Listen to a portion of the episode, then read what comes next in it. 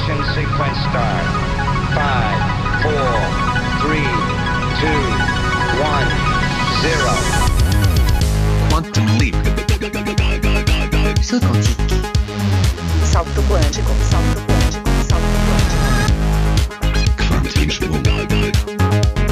Salto quântico. Salto. Kvanthopp, det du inte visste att du ville veta. Hej och välkomna till ett specialkvanthopp. Markus Rosenlund heter jag, helt i vanlig ordning. Det har nu gått fyra år sedan regeringen Sipilä började ta form. Det var ju en regering som för många av oss vetenskapens vänner blev känd för ett specifikt uttalande. Ni gissar det kanske redan. Kaiken maailman docentit. Alla världens docenter. Huruvida regeringen Sipilä verkligen var så vetenskaps och bildningsfientlig som vissa tyckte, det kan väl kanske diskuteras, men den här sortens tankar verkar ha legat i tiden just då. Tidskriften National Geographics marsnummer 2015 hade temat The War on Science, kriget mot vetenskapen. Det här lät ju lite provokativt men det var kanske lätt att drabbas av den här sortens tankar just då. Faktum är att det är det väl fortfarande. Men vi ska blicka tillbaka på våren 2015 i den här Kvanthopp Remix-sändningen. Oskar Koivumäki gjorde då en serie inslag där han gick ut och frågade olika experter hur de ser på det här. Råder det ett regelrätt anfallskrig mot vetenskapen? Är vi inne i något slags anti-upplysningstid. Frågorna som Oscar tittade närmare på då var månlandningsförnekande, klimatskepticism, GMO-misstänksamhet, evolutionskritik och vaccinvägran. Under den kommande timmen ska vi gå igenom slutsatserna som nåddes då så kan vi ju sen var och en för sig avgöra om det har blivit bättre eller sämre under de gångna fyra åren. Eftersom vi i år firar 50-årsjubileet av Apollo 11, den första månlandningen, är det kanske lika bra att börja från den änden. Och vi gör det med ett besök hos mannen som bevakade månlandningarna för Yles räkning. Min föregångare som vetenskapsredaktör här på Svenska Yle, Juhani Westman.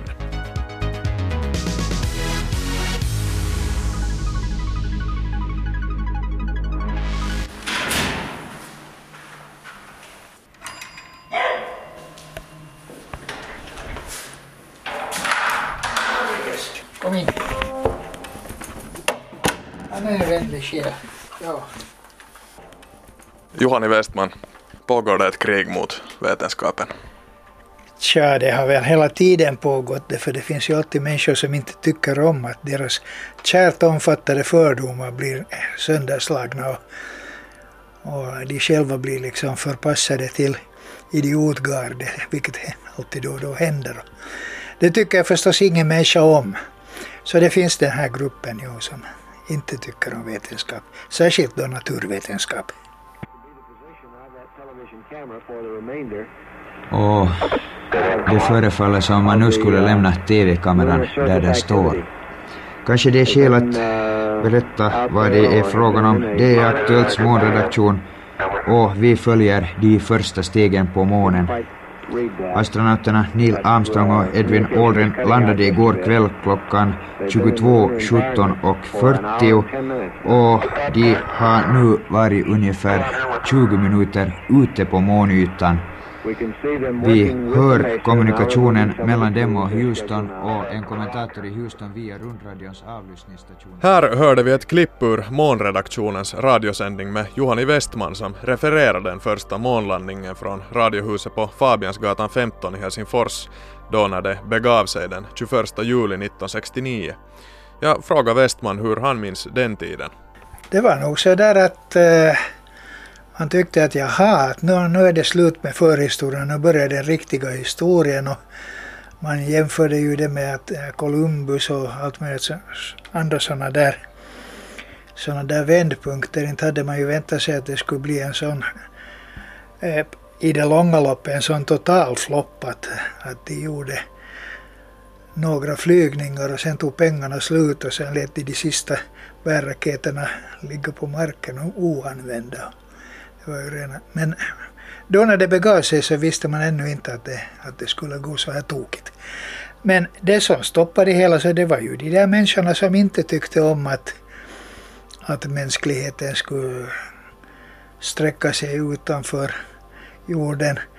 Och det var säkert ganska många människor mm, då i USA som tyckte att, att helskotta, här har de en bild av jorden och jorden är så liten att astronauterna berättar hur de kan hur de kan eh, gömma den bakom sin tumme och gå nu sen och försöka skryta om att, ja, att vårt land är stort och mäktigt och det är väldigt viktigt det här att vi slåss i Vietnam och så vidare.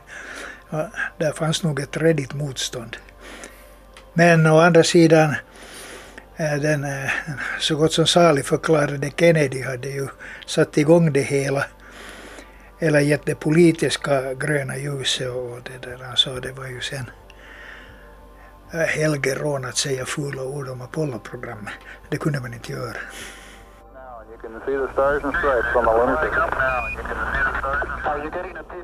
Ända sedan 60-talet hade cirkulerat mängder av olika konspirationsteorier om att månlandningarna under Apollo-programmet aldrig ägde rum utan att de fejkades då USA inte hade råd att förlora månkapplöpningen mot Sovjetunionen.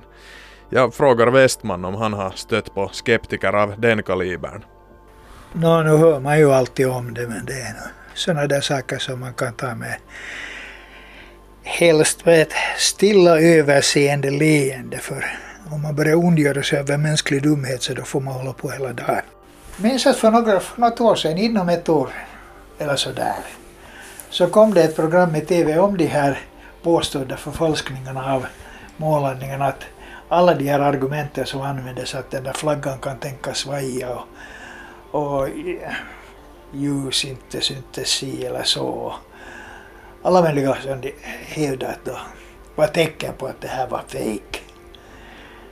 Men de tillbakavisades nog med liksom pukor och trumpeter eh, mycket konkret och mycket, mycket ordentligt. Att, att, jo, att det, det att den svajade den där flaggan så det berodde helt enkelt på att någon stötte till den och då naturligtvis svajade den fast det inte finns någon luft och sen när de, sen svajade den ju riktigt jäkligt när de startade iväg på återresan. Man ser på den där ena filmen som är tagen genom kabinfönstret att, att den svajar och sen till slut så, så faller den ner och det är de här avgaserna från, från den startande raketen som knuffar omkull den.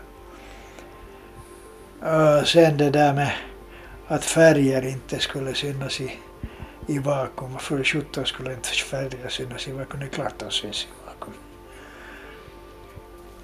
Men det var en sån där grej som kom till någon gång i på vi minns att det var någon gång på 50-talet som någon sån där äh, amatörastronomisk förståsigpåare skulle beskriva hur livet skulle vara ute i rymden där det inte finns luft. Så då kom den till att jo, att luften kan tänkas ska till för att bryta färgerna så att, att i, ute i rymden så skulle det vara bara svartvitt. Och den, den där feluppfattningen så så existerar ju, den har på något vis hängt med, börjat hänga med och, och existerar alltjämt. Vad det nu sen var för andra, men man såg ju alldeles tydligt att i vakuum var det det där, damm sprutar inte på det där viset om man försöker göra konsten i luft att det där sparka upp damm. Det, I luft så virvlar dammet och på månen så flyger varenda ett dammkorn i, i sin egen lilla parabelbana. Och det ser man alldeles tydligt där på både när farkosten landar, de där bilderna som är tagna genom fönstret, hur dammet sprutar och sen när, man, när astronauterna springer omkring där och sparkar och, och när bilen kör och månbilarna körde och det där han rev upp äh, månstoft och det, det flög vackra parabler från bakhjulen. Så att nu var det äkta alltid. Så stora vakuumkamrar finns inte. 764. Tranquility Base here. The Eagle has landed. Sånt där vet ju var och en att om man försöker fuska, fuska med sånt där så blir man fast. Och det hade varit liksom världens skandal. Det är klart att sensationsmakarna nu har varit ute och gått efter det där men men det är det som jag sa, det är någonting som man får ta med ett överseende småleende. Men eh, nej, nej, nej, nej, inte var det någonsin frågan om någon sån sak.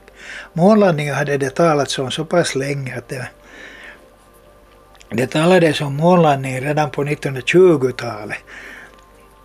Och allt sen dess så till exempel den här, han som ledde utvecklingen alltså av Saturnraketerna, Werner von Braun, som ju var ett stort namn. Och, eh, så han hade ju, och hans gäng hade ju planerna ganska klara redan senast 1959 så visste de redan vilka, vilken motorutveckling som skulle till. Alltså både F1 och J2-motorerna, de skulle utvecklas för att de skulle ha någonting att, någonting att skicka upp med. Eh, den exakta utformningen av Saturn 5 kom ju lite senare sen men det fanns olika versioner redan 59 när NASA bildades så hade de ju pojkarna redan pappren klara. Och alla säger ju att det var Kennedy som satte igång Apollo-programmet. Det är sant att han, att han gav det politiska gröna ljuset. Men vid det laget så hade de redan börjat med den här tekniska utvecklingen, speciellt de motorerna. Och också Apollo-farkosten, själva den här returfarkosten var under utveckling. Till exempel kontraktet för styrning och kontroll hade givits redan ett par år tidigare. Det var Massachusetts Institute of Technology som fick det. Och det var det första hårda äh, kontraktet som slöts förresten för Apollo-farkosten. It's one small step for man, one giant leap for mankind. Det här Luna Sorsberg, A Users Guide to the Moon. Användarbok. det liksom... Det råder ingen tvekan om att NASAs budget idag är en bråkdel av budgeten under glansdagarna på 60 och 70-talet. Men påverkas finansieringen av rymdforskningen i USA av konspirationsteoretiker och skeptiker av olika slag? Säkerligen, det sitter ju en del av dem i kongressen också, det skulle vara konstigt annars. Men det handlar nog om, om makt och pengar och det är ju i de stater där NASA inte har inrättningar som motståndet mot NASA är störst. Det var en figur från, från vad det nu Minnesota eller någonting sånt där som Walter Mondale hette han. Han var dessutom demokrat av alla, av alla möjliga riktningar som han var. Och han var faktiskt just i slutet av 60-talet, början av 70-talet han var som man säger hurja mot NASA. Han hittade på allt möjligt som man kunde anklaga dem för. Han var senator och hade ganska mycket inflytande. Och om nu någon enskild person har ställt till jäkligheter för rymdprogrammet så var det ju den här mannen. En negativ attityd mot rymdforskning kryddat med konspirationsteorier kring månlandningarna verkar alltså ha en koppling till NASAs minskade bidrag. Så vad blir följderna om skeptikerna vinner det här slaget i kriget mot vetenskapen och det visar sig att människans framtid faktiskt hänger på just rymdforskningen? Om vi ska tro på fysikern och astronomen Stephen Hawking har människan två val, lämna jorden eller dö ut.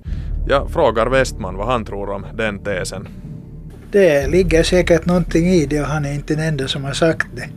Om vi redan går till begynnelsen så har vi ju rymdfartens fader Tsiolkovsky som ju 1910 skrev i ett brev att jorden är mänsklighetens vagga men mänskligheten ska icke evigt förbli på jorden utan i sitt sökande efter ljus och rymd kommer hon först att försiktigt utforska rymden runt jorden och sen djärvt ta språnget ut bland stjärnorna. Så sa det alltså Juhani Westman, numera pensionerad vetenskapsredaktör vid svenska YLE. Du lyssnar alltså på ett specialkvanthopp om det eventuella kriget mot vetenskapen som vissa menar är på gång. Oskar Koivumäki gjorde under våren 2015 en inslagsserie om det här. Nästa punkt är om möjligt ännu mer akut idag än den var för fyra år sedan. Klimatet. We'll be landing under fire, gentlemen. Men will die. Pågår det faktiskt ett krig mot vetenskapen? Och vem krigar i så fall? Och vilka blir följderna av kriget? Vi frågar experterna, vetenskapsmännen som har dedikerat sina liv till att studera de här olika fenomenen.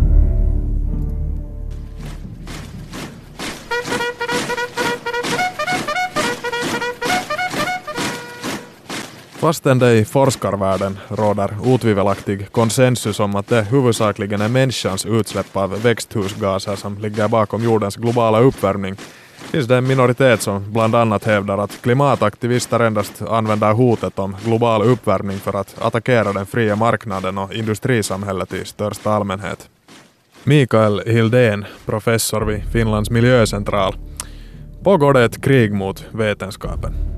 Nu, när det gäller Finlands eh, situation så skulle jag nog säga att nej, inget direkt eh, krig. Alltså det finns eh, de här så kallade skeptiker finns det inom, inom klimatdiskussionen och, och de sätter in inlägg i sociala medier och det finns då och då publiceras insändare och så vidare. Men, att, men inte kan man ändå säga kanske att det är ett, ett sådant systematiskt krig utan det är mer en, en fråga om människor som har vissa, vissa idéer och, och, och vill köra men att det att de, de på en bred front skulle gå emot allt vad vetenskapen har kommit fram till. Så det Eh, inte egentligen utan ofta så är det ju så att eh, inom klimatskepticismen så, så ser man mycket att man hänvisar till någonting som man tycker är en, kanske en alternativ tolkning och en alternativa eh, vetenskapliga slutsatser och istället för att då liksom generellt gå emot att allt det som vetenskapen gör är fel utan det,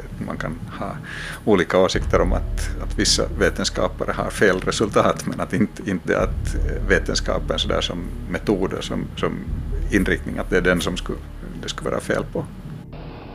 Nah, there's no proof of global warming.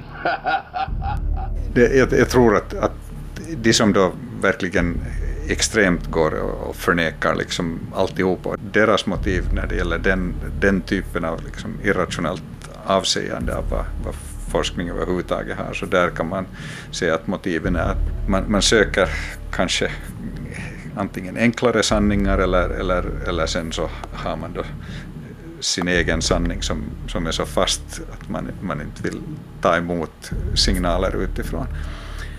I ett skede i synnerhet så där producenter av fossil energi såg det som ett hot mot sin verksamhet och, och ville då gärna finansiera verksamhet som, som skulle kunna liksom få det här forskning till, till sådana resultat som skulle gynna de egna intressen. Så att det, det, det finns en ele, element av det här, men där är det också kanske eh, för deras del så skulle jag inte heller tala om direkt ett, ett systematiskt krig mot vetenskapen som sådant. Det, det handlar nog kanske om en, en just att man skulle kalla det ett, ett slags gerillakrig i den meningen att, att man, man försöker underminera eh, vissa slutsatser med att eh, skapa liksom osäkerhet och, och, och det där. Ja, framförallt osäkerhet på det sättet att, att, när man osäker så då kommer man till att, ja, att man kan inte fatta beslut som, som styr utvecklingen i en viss riktning utan man håller fast vid status quo. Så att det här att, att hålla fast vid status quo eh, är, är säkert ett, ett motiv för att man, man inte vill, vill göra förändringar och man anser att den här nuvarande situationen är, är den bästa tänkbara. Mikael Hildén som alltså är professor vid Finlands miljöcentral beskrev skeptikernas metoder som gerillakrigsföring där man försöker underminera vissa slutsatser med att skapa osäkerhet som står i vägen för beslutsfattning.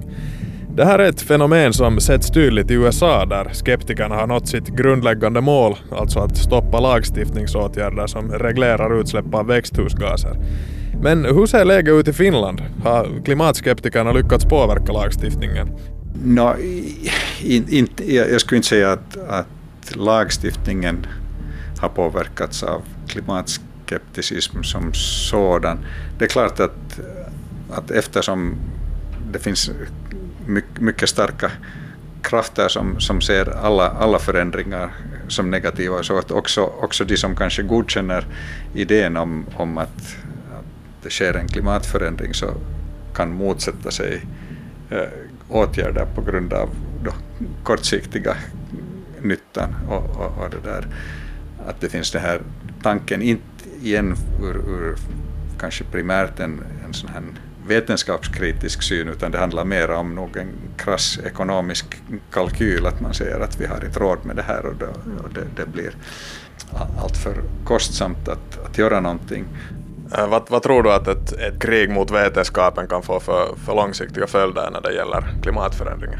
No, alltså, i, i den mån som nu kanske situationen i USA, i den mån den är framgångsrik, att man då verkligen låter bli att göra någonting, så då är ju nog problemet det att det, det, det, det handlar om en, en, så osymmetrisk situation att man kan, man kan inte korrigera det sen om, vi, om mänskligheten finner om, om fem årtionden att man, man har gjort fel, så då är det en, entydigt så att det är mycket, mycket mer kostsamt då och mycket mer problematiskt. Så att om man, om man tror, och det är ju kanske det lite paradoxala, att, att en sån här motstånd mot klimatåtgärder nu så bygger ändå på att, att man kanske sen också, om man har fel och, och det, här, det visar sig att klimatet verkligen förändras så, så mycket som man nu är rädd för att de ska förändras, om det då visar sig att de här klimatskeptikerna har fel så tror de att man då inom ett antal tiotals år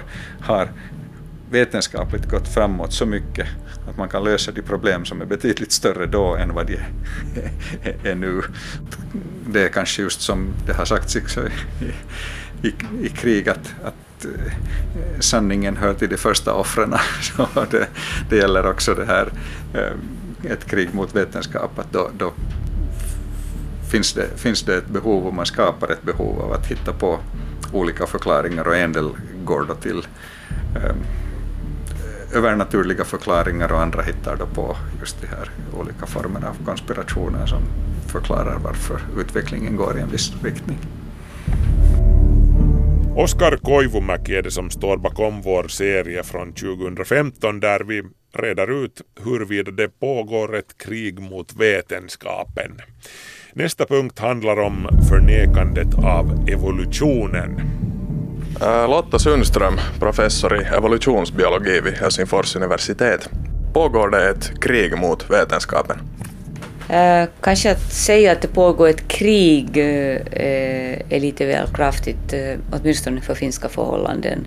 Att vi har ändå en ganska, ska säga, vetenskapligt inriktad syn på livet och miljön och, och allt det vi konfronteras med här i Finland och i Norden och också i Europa. Men att förstås att eh, om man följer med eh, den diskussion som förs i USA till exempel så där är det kanske någonting som mera börjar påminna om ett krig. Eh, det finns kontrahenter som har helt enkelt olika motiv. Eh, vissa är kanske själviska motiv, andra är kanske mera ska säga, allmännyttiga. Det är ju närmast frågan ofta om ekonomiska motiv. Eh, människan har sina ekonomiska realiteter som man försöker driva och här finns förstås industrin, företagsverksamheten som försöker maximera inkomster och vinster medan eh, det här då kan leda till att de individuella, ehm, jag ska inte säga rättigheterna, men individuella eh, intressen sen kan hamna i bakgrunden.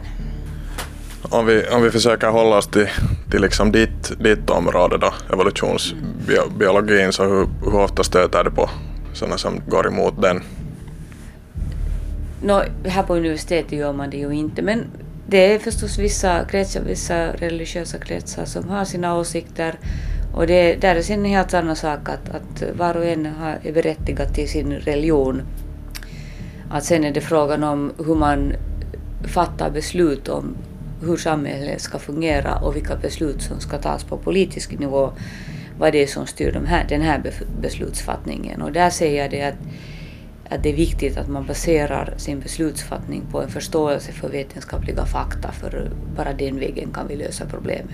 Så det är kanske mera här eh, är frågan om att det finns instanser eller parter som försöker ehm, sopa under mattan helt enkelt problem som vi har till exempel i samband med klimatförändring, problem som vi har i samband eh, med vaccinering mot olika smittsamma sjukdomar. Eh, och sen också ett sätt att försöka förstå världen via eh, vetenskapliga realiteter. Som Lotta tidigare nämnde så har vi i Finland en rätt så vetenskapligt inriktad syn på livet och allt det vi konfronteras med.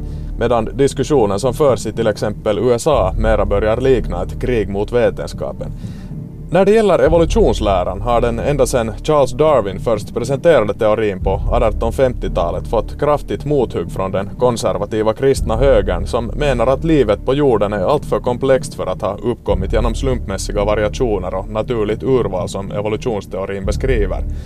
Kreationisterna menar att livet på jorden har kommit till genom gudomligt ingripande och jobbar stenhårt för att skapelseberättelsen ska läras ut i skolorna parallellt eller istället för evolutionsteorin.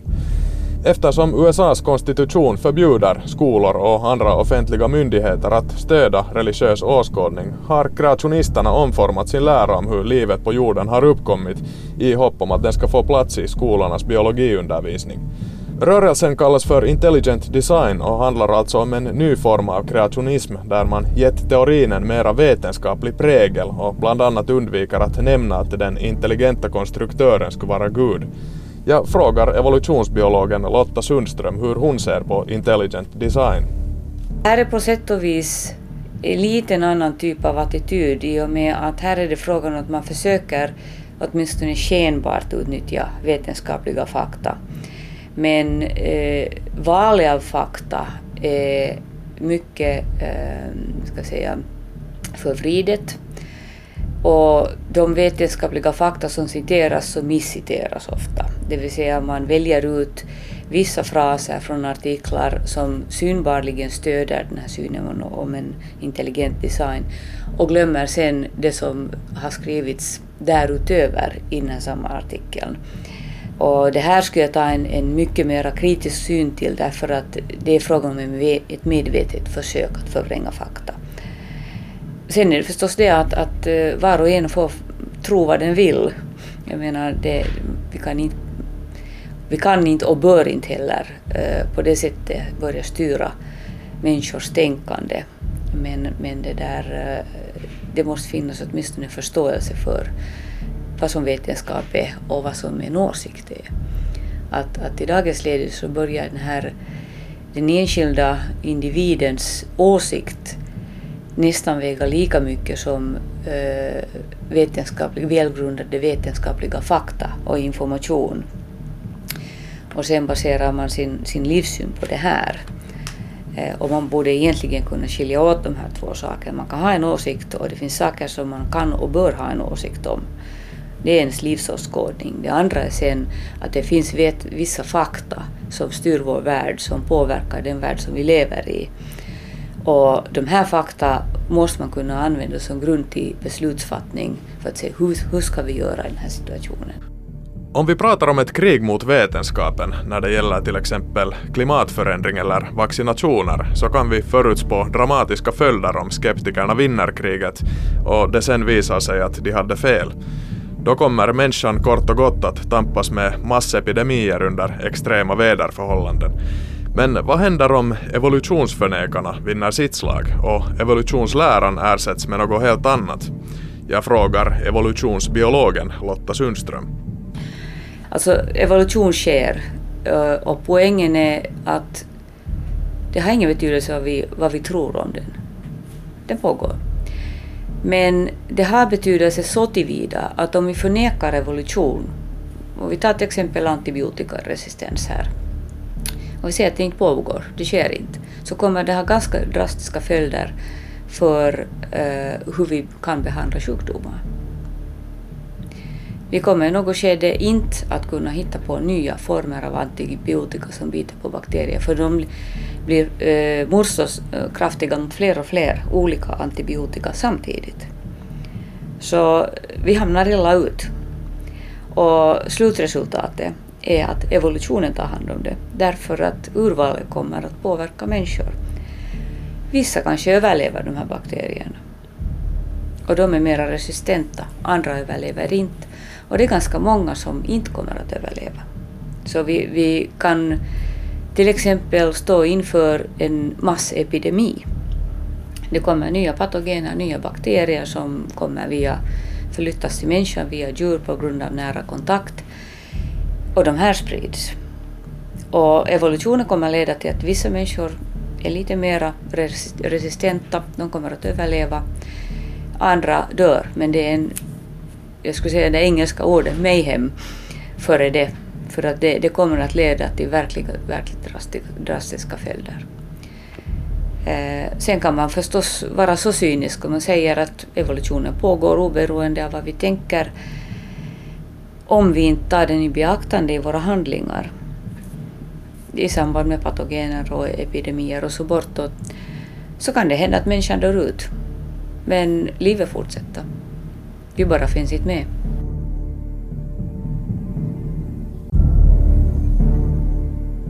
Av alla de områden där vetenskapen och förnuftet eventuellt är under attack är det den här följande som jag personligen har ett särskilt emotionellt förhållande till.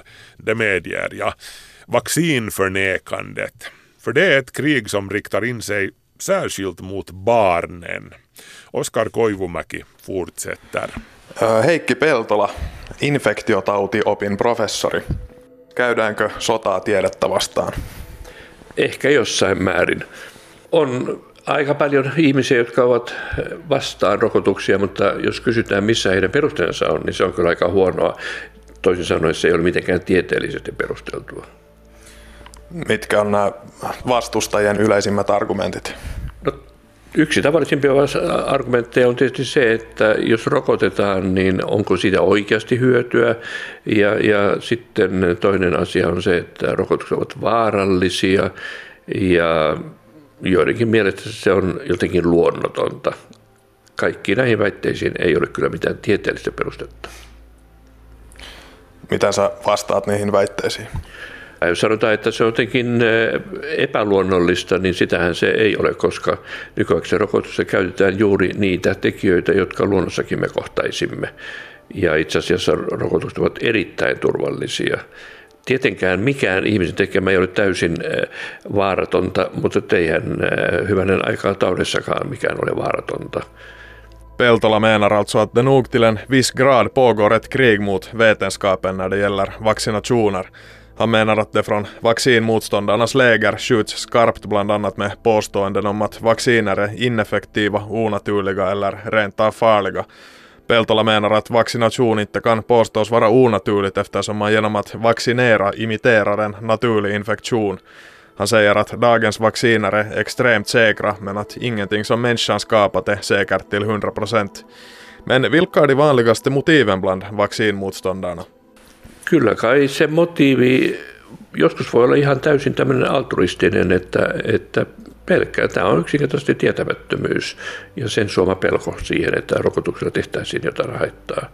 Se on siellä varmaankin sitten masinointiakin takana, mutta että jos uskotaan ihmistä hyvää, niin kyllä siellä varmaan on tietämättömyyden suoma pelko on se kaikista tärkein yksittäinen tekijä.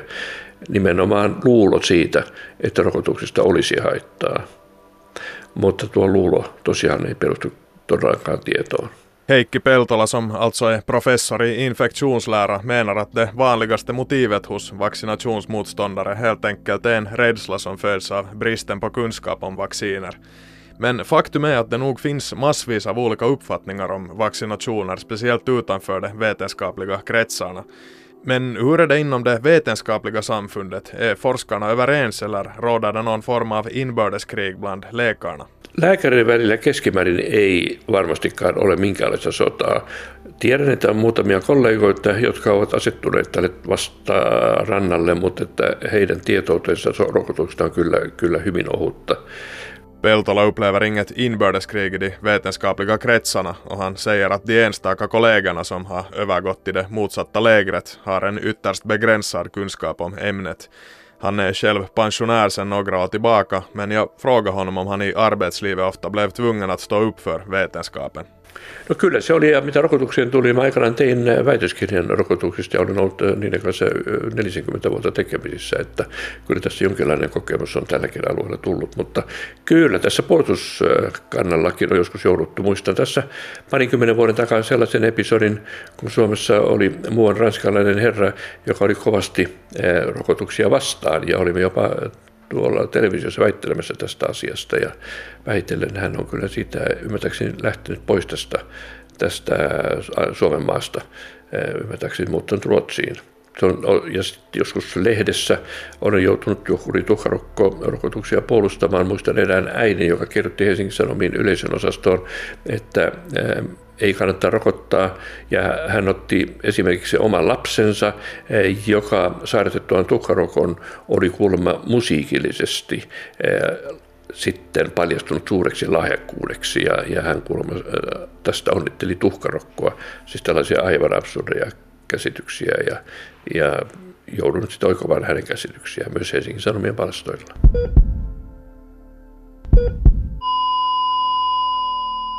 Yksi mielenkiintoinen asia on se, että Suomessa lapset, joita yleensä eniten rokotetaan hyvin peittävästi neuvolassa, noin 90 5-97 prosenttisesti tulevat rokotetuiksi, mutta sitten siihen jää semmoinen 3-5 prosenttia lapsista, jotka vanhempien uskomusten vuoksi jätetään rokottamatta. Jos heitä sitten, näitä vanhempia, siis isiä ja äitejä, lähestytään vaikkapa kirjeellä tai sitten muuten keskustellaan asioista, niin niistä vielä suuri osa sitten suostuu rokotuksiin, mutta lopulta jää sitten semmoinen pieni, semmoinen ehkä pari-kolme prosenttia väestöstä vanhemmista, jotka eivät millään suostu tähän asiaan heille on mietitty yhteiskunnan taholta sitä aika monta ratkaisua. Totta kai rokotukset ovat Suomessa vapaaehtoisia, mutta sitä, se, näitä vanhemmilta jää usein huomaamatta, että uskaltavatko ottaa sen vastuun sitä lapsesta. En puhu siitä vastuusta nyt ja ensi vuonna ja pari vuoden kuluttua, vaan sitten kun lapsi on aikuinen. Ja siitä on sitten myös puhuttu, että olisiko oikeudellisesti parempi niin, että kun lapsi tulee oikeustoimikelpoiseksi tuossa aikuisuuden kynnyksellä, niin hän itse saisi sitten päättää, mitä hänelle tehdään. Ja joskus näin käykin, että, että vastoin vanhempiensa toivomuksia lapsi suostuu rokotuksiin.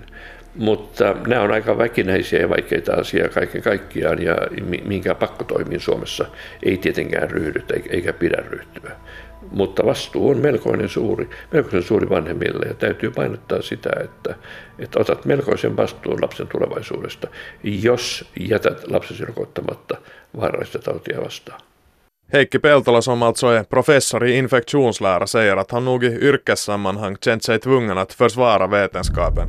Han berättar att han för några år sedan på Helsingin Sanomats insändarsidor rättade till en kvinnas uppfattning om att mässlingen var orsaken till att hennes barn plötsligt blev musikaliskt begåvad. Han säger att den största delen av barnen i Finland i dagens läge vaccineras enligt statens vaccinationsprogram och att endast 2-3 procent av föräldrarna under inga omständigheter låter sina barn vaccineras. Peltola menar att man inte kan gå in för att tvångsvaccinera men han understryker att föräldrar som inte låter sina barn vaccineras mot farliga sjukdomar har ett enormt ansvar när det gäller barnets framtid. Så vilka följder kan kriget mot vetenskapen få här i Finland när det gäller vaccination? Vad händer om motståndarna vinner slaget och vi helt enkelt slopar statens vaccinationsprogram? Jag åkte till infektionskliniken och frågade överläkare Asko Järvinen. No då kan man säga att man vrider, vrider klockan bakåt ifall det så skulle hända. Att då börjar vi få sjukdomar som vi inte mera har haft här. Ett exempel är i Syrien där där kriget, då när kriget bröt ut sig så började polion sprida sig. Vilket man inte har haft här i den här delen av, av världen överhuvudtaget. Man trodde att man snart skulle kunna utrota hela sjukdomen.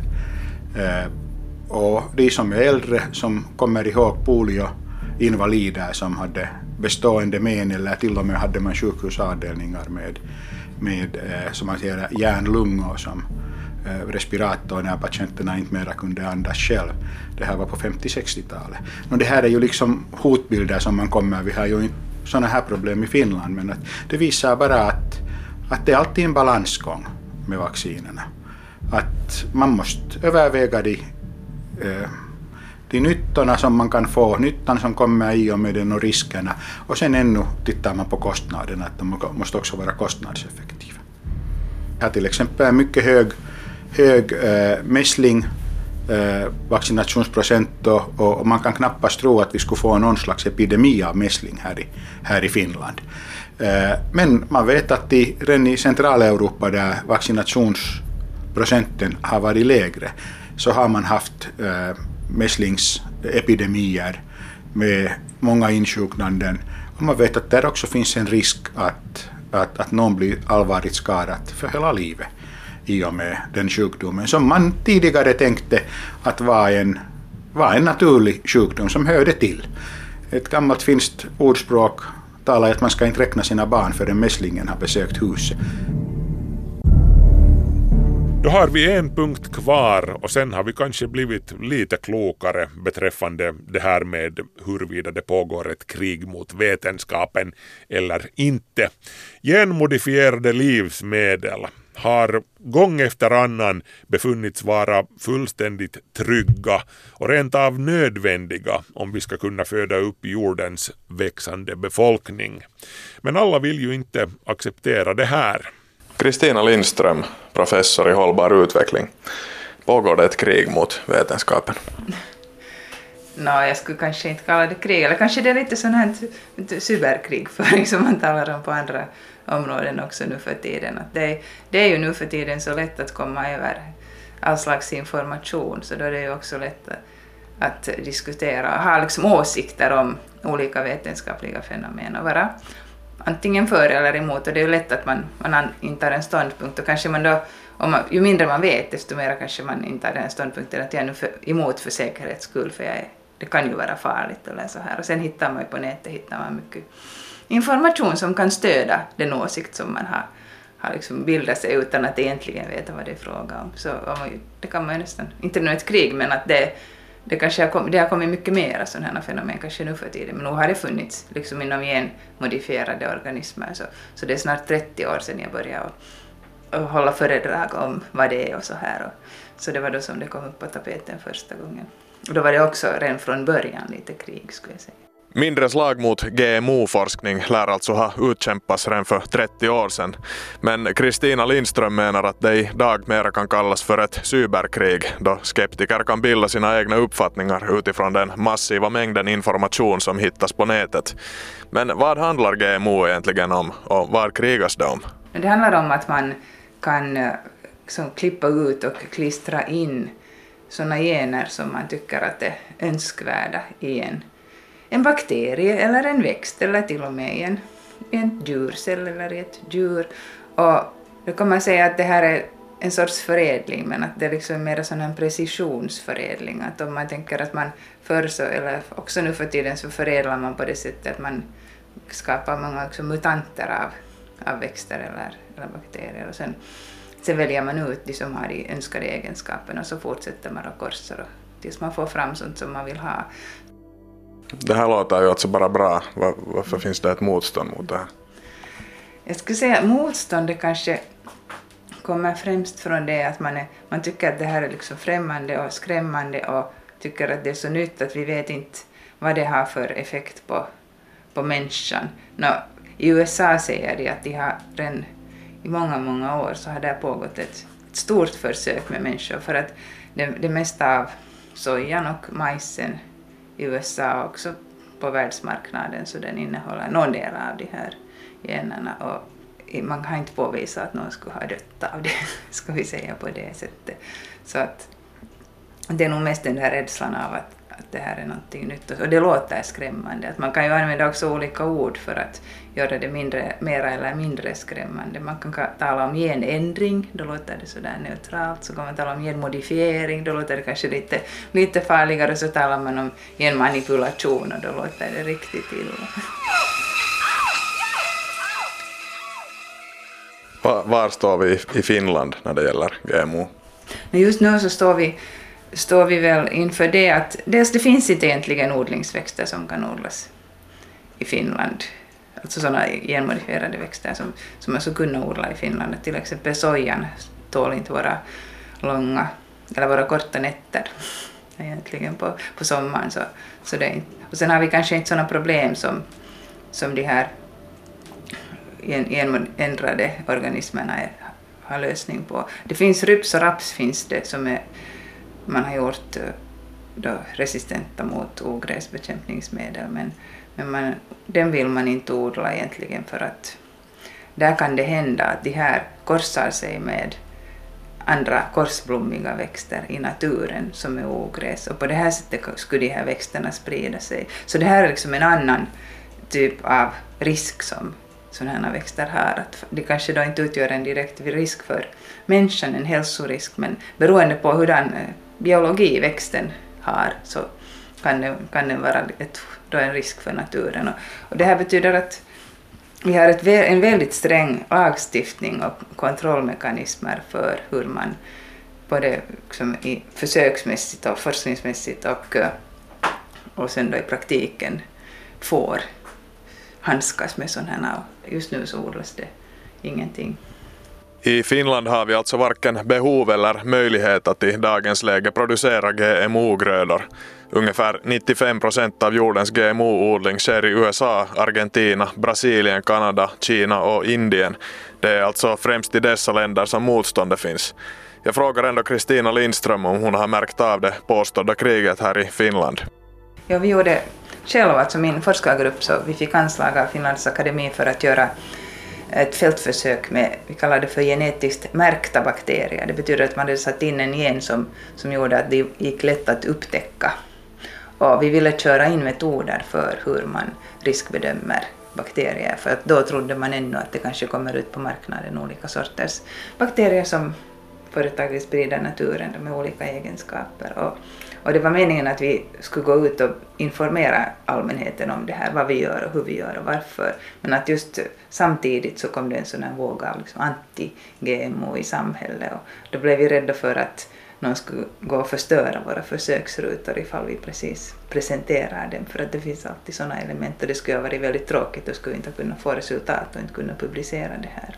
Sen när, när det här experimentet var slut, vi gjorde det i sådana ganska halvslutna cylindrar på, på åkern så att det var de, och vi kollade ännu att bakterierna inte spreds ifrån dem och, de, och vattnet som rann igenom marken där så den tog vi tillvara och kollade att rinner det bakterier igenom och de hade liksom en, en botten de här. Så det var väldigt, det var liksom inte ett helt öppet fältförsök. Men sen när försöket var slut så måste vi ännu gräva upp all jord och transportera det till Riihimäki för bränning för att de skulle förstöras, de här bakterierna. Det, det var nu lite långsökt men det gjordes i varje fall. En produkt som anses vara det största genombrottet inom GMO är det så kallade gyllene riset som började utvecklas redan på 90-talet som ett biståndsprojekt för att hjälpa barn i Asien och Afrika. I samband med utvecklingen av riset utkämpades hårda strider mellan forskarsamfundet och miljöorganisationen Greenpeace som motsätter sig alla former av genmodifiering. Gyllene riset hajpades högljutt ännu in på 2000-talet, men vad handlade det egentligen om och vart försvann superriset? Där hade man satt in Alltså de satt in gener från en påsklilja och sen en bakterie för att eh, producera provitaminet för A-vitamin som är betakaroten, det här rödgula ämnet som finns då i både påskliljan och i morötter och, och tomater också. Så här. Och då var det meningen att människor som lever bara på ris att de skulle få, få mera vitaminer för de lider ofta brist på A-vitamin som, gör, som kan göra att man blir blind. Men det här var, det här var ett jätte det har ju misslyckats på det sättet att det finns inte ännu på marknaden och det finns många orsaker till det här så det är ett jättebra exempel. Att för det första visade det sig när den här Ingo Potrykus, professorn som hade utvecklat det här i sitt laboratorium, när han, han ville ge det åt världens fattiga utan att, utan att de skulle behöva betala någonting för det så visade det sig att det var ungefär 70 patent som de hade, för forskning får man använda patenterade metoder men ska man kommersialisera eller ge bort så, så får man inte, så han var tvungen att gå till alla dem som hade patent och, och be att snälla nu att kan, får vi använda det här fast, fastän vi, vi liksom borde köpa en licens. Så det var, det var liksom okej okay, men att, sen tror jag att världen under den tiden som det här hände så hade lite liksom vänt sig emot det här. Och nu så, så går det ju inte att ha bara, det finns ju massa olika rissorter i världen. Det finns lokala sorter, det finns sådana som man odlar på torrt och sådana som man odlar i vått och här och där. Och det är inte så lätt sen, inte kan man bara ge en rissort till de fattiga. Sen har det visat sig att den, det ser sådär gult ut så blir folk misstänksamma. Inte de vana att äta sånt gult ris, de är vana att det ska se ut på ett visst sätt. Så att det finns många fördomar också att, att övervinna om man ska göra det här och det är inte så lätt. Det gör, pågår visst försök nog med att, att korsa det här gyllene riset med lokala sorter så här, men det går, allting går väldigt långsamt och det visar hur, hur svårt det är. Det gyllene riset har alltså inte ännu heller kunnat råda bot på A-vitaminbristen och hungersnöden i u-länderna, trots att man hållit på i drygt 20 år med utvecklingen. Så var ligger problemet egentligen? Regleringen är så väldigt sträng så måste man göra en massa försök för att riskbedöma dem, vilket sen leder till att små företag inte har en chans att göra det, utan det är stora företag som har råd att göra, göra sånt här, så att det leder till en viss monopolisering överhuvudtaget av marknaden. Jag tycker själv att det liksom är den, den största risken. Sen talar man också om, så globalt om att, ju att, att nu ska vi rädda världens hungrande befolkning på det sättet att vi ska, vi ska göra genändrade grödor som tål torka och som tål sån här, liksom, också följder av klimatförändringen. Men då tänker man inte på att vem är det som ska göra det, att då behöver man ju lokalt anpassade grödor. Jag har själv jobbat i, eller vi har projekt i Etiopien, och jag kan inte tänka mig hur man, hur man skulle kunna genomföra någonting, att de skulle göra där få till stånd både utveckling av sådana här grödor och sen eh, också det här distribution och odling och allting. Det, det är jätte, jättedyrt, att därför är det alltså bara stora företag som, som då kan sälja både utsäde och så säljer de gifter samtidigt och sen är det, har de på det sättet monopol. Kristina Lindström menar alltså att ett stort problem när det gäller utveckling av GMO är myndigheternas strikta regleringar som leder till att endast stora företag har råd att genomföra forskning och få patent på utsäden. Det här leder till en monopolisering där några få jätteföretag har greppet om GMO-marknaden. Miljöorganisationerna i sin tur är mer rädda för miljörisken. Jag frågar vilka andra motiv hon har stött på hos GMO-motståndare än just rädslan för de ekonomiska följderna och miljöaspekten.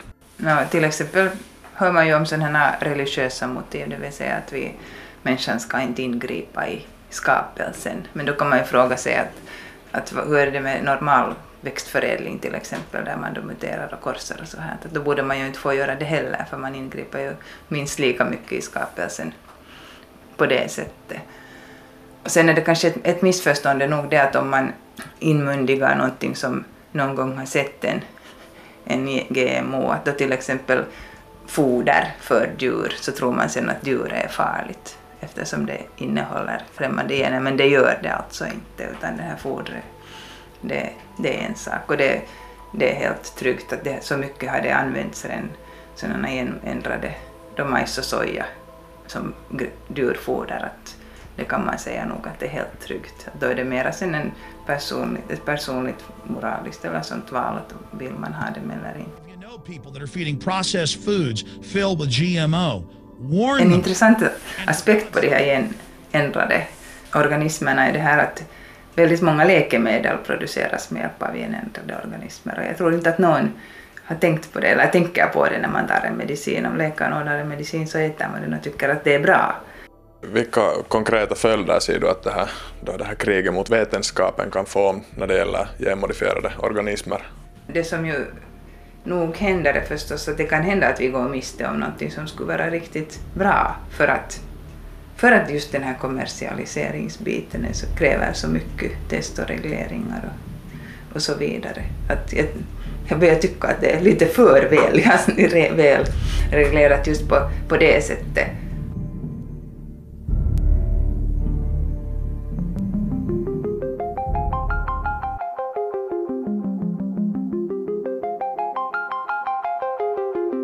Kvanthopp, det du inte visste att du ville veta.